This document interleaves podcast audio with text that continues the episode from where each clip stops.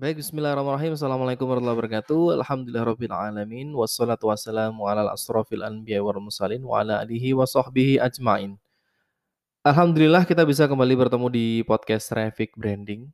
Ya, sudah lama sekali ya, lama sekali kayaknya kita nggak podcast dan alhamdulillah kali ini kita menyempatkan diri untuk bisa podcast menyapa teman-teman semuanya yang sudah mungkin mungkin udah pada lupa kali ya sama podcastnya Traffic ya karena saking lamanya kita nggak podcast lagi dan alhamdulillah pada kesempatan kali ini kita bisa kembali on air, kembali uh, bisa menyapa teman-teman semuanya, pengusaha muslim dan para kreator muslim di Indonesia terutama.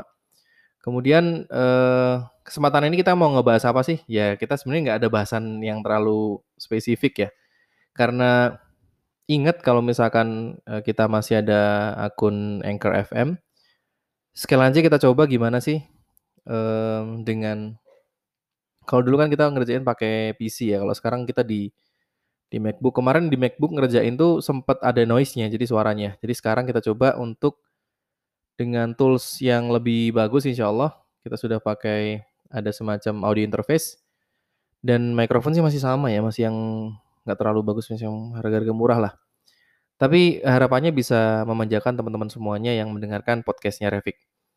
Oke, jadi gini, um, dulu pas pertama kali Revik itu buka, saya sempat ngebuka layanan namanya full branding. Ya mungkin kalau teman-teman yang sudah pernah ngambil layanan itu mungkin tahu ya manfaatnya apa ya. Jadi kalau misalkan desain biasa, itu biasanya langsung si klien tuh langsung isi brief, kemudian kita langsung kerjakan, kurang lebih seperti itu ya.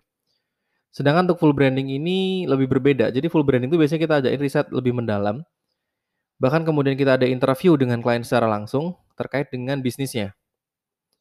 Dari mulai produknya, kemudian uh, marketnya seperti apa, targeting, segmentasi, kemudian juga mengenai kompetitor. Kita akan benar-benar banyak tanya sama si klien terkait dengan bisnisnya seperti apa. Berbeda dengan layanan regulernya Revik. Yang mana nanti hasilnya kita membuat, membuat sebuah uh, semacam uh, PowerPoint presentation gitu PPT yang isinya itu presentasi konsep branding strategi yang uh, bisa klien gunakan ya sebagai brand guideline-nya dia. Misalkan uh, apa sih yang mau diangkat dari brandnya dia? Apa sih uh, UVP-nya dia apa? Terus kemudian diferensiasi-diferensiasi yang dia punya apa aja? Kemudian juga ngelihat kompetitor nih main di mana sebenarnya. Sehingga dia nanti kalau misalkan menjalankan brand ini atau menjalankan bisnisnya ini bisa lebih uh, berhati-hati atau mungkin lebih lebih terencana seperti itu. Nah, kemudian sekitar dua bulan sampai tiga bulan yang lalu, ya, jadi mungkin sudah berlalu dua tahun ya. Alhamdulillah Revik sudah dua tahun. Kemudian kita buka layanan yang sama, ya, dengan nama full branding. Tentunya lebih berbeda ya. Kalau dulu kan eh, saya sendirian ya, saya sendirian, saya yang riset, saya yang komunikasi dengan klien. Untuk sekarang ini melibatkan tim juga. Dan alhamdulillah eh, Ya berbeda ya, kalau dulu kan kita benar-benar terbatas ya satu orang ngerjain mungkin satu klien sebulan. Kalau sekarang kita bisa ngerjakan untuk project full branding itu satu pekannya itu dua klien. Cuman satu bulan kita batasin cuman uh, hanya kita melayani enam klien aja. Jadi untuk um, karena butuh waktu ya untuk riset, kemudian untuk komunikasi dengan klien, untuk brainstorm dengan tim desain dan lain-lain. Nah, mungkin sebagian dari teman-teman udah pada tahu ya pentingnya apa sih branding strategi itu untuk untuk sebuah uh, upaya branding. Jadi kalau teman-teman um, tahu ya logo sama visual identity itu hanya salah satu dari corong komunikasi brand atau brand communication yang bisa kita gunakan untuk mengkomunikasikan value brand yang kita punya. Jadi corong-corongnya itu banyak banget teman-teman. Ada yang kemudian melalui uh, suara atau audio, kemudian melalui tekstual, kemudian juga bisa melalui brand experience, dan banyak lagi cara lainnya. Jadi visual itu hanya salah satu cara dari sekian banyak cara yang bisa kita gunakan untuk mengkomunikasikan brand atau value yang kita miliki.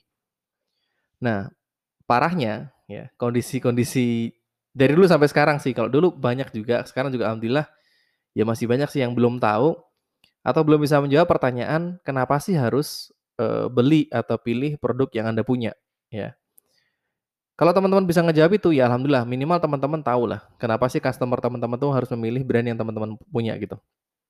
Cuman mayoritas kebanyakan kita tuh nggak tahu gitu, apa sih sebenarnya yang spesial atau mungkin kenapa sih mereka milih ya memilih brand kita dibandingkan kompetitor. Nah, kalau misalkan belum punya ya, nah sebaiknya teman-teman eh, belajar untuk mencari positioning atau bisa dibilang mencari bagaimana caranya bisa ngebentuk persepsi ya tentang brand teman-teman di benaknya konsumennya teman-teman kurang lebih seperti itu.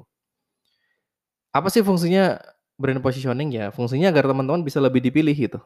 Atau ya ada sekian banyak pebisnis yang punya produk yang sama ya. Sekian banyak pebisnis punya produk yang sama dan teman-teman salah satu di di di di apa ya? Di kompetisi itu, di kompetisi bisnis tersebut.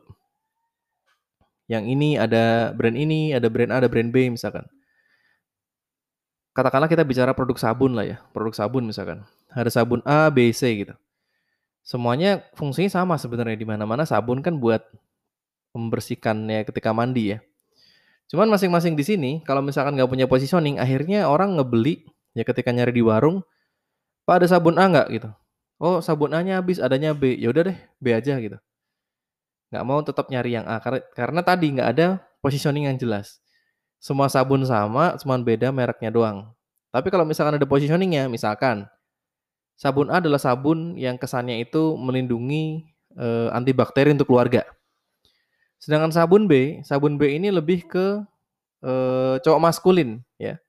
Padahal sabunnya sama, sama-sama sabun cair. Yang satunya e, dari sisi positioning ya. Positioningnya yang pertama untuk sabun kesehatan keluarga, yang kedua sabun untuk pria maskulin. Nah, ada seorang pria maskulin mencari sabun yang B di warung. Pak ada sabun B nggak? Yang e, wanginya yang ini gitu.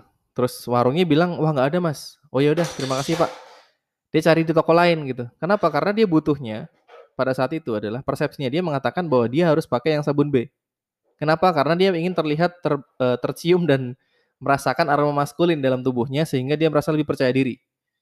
Nah, fungsinya positioning adalah itu, ngebentuk persepsi konsumen. Padahal sebetulnya secara fungsi itu nggak ada bedanya.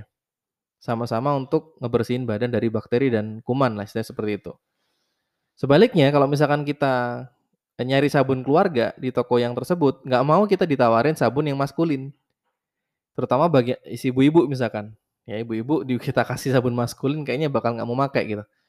Pasti bilang itu kan buat laki-laki mas gitu kan. Pasti kan bilang seperti itu. Padahal sebetulnya dipakai ibu-ibu pun nggak ada masalah. Cuman pada kenyataannya mereka menghindari sabun seperti itu atau makan bahkan ibu-ibu lebih memilih pakai sabun yang sabun yang kesannya bisa bikin lebih putih atau mungkin sabun yang e, wangi dan sabun kecantikan kurang lebih seperti itu. Agar ya tadi balik lagi merasa dirinya cantik sedangkan yang tadi yang cowok merasa diri lebih maskulin. Kurang lebih seperti itu. Itu fungsinya positioning dan positioning ini adalah salah satu hal yang kita cari di branding strategi. Ya. So kalau misalkan teman-teman itu belum tahu ya positioning teman-teman apa, insya Allah kita nanti akan open kelas ya, open kelas ikhtiar branding nama kelasnya bareng grafik ya, istilah ikhtiar, ikhtiar branding bareng grafik. Insya Allah di sini nanti juga akan dibahas mengenai bagaimana caranya kita bisa menemukan positioning yang bagus atau yang tepat ya sesuai dengan uh, kebutuhan market yang kita sasar. Kurang lebih seperti itu. Jadi insya Allah um, kelas ini akan kita buka di tahun 2021 ya, di awal tahun.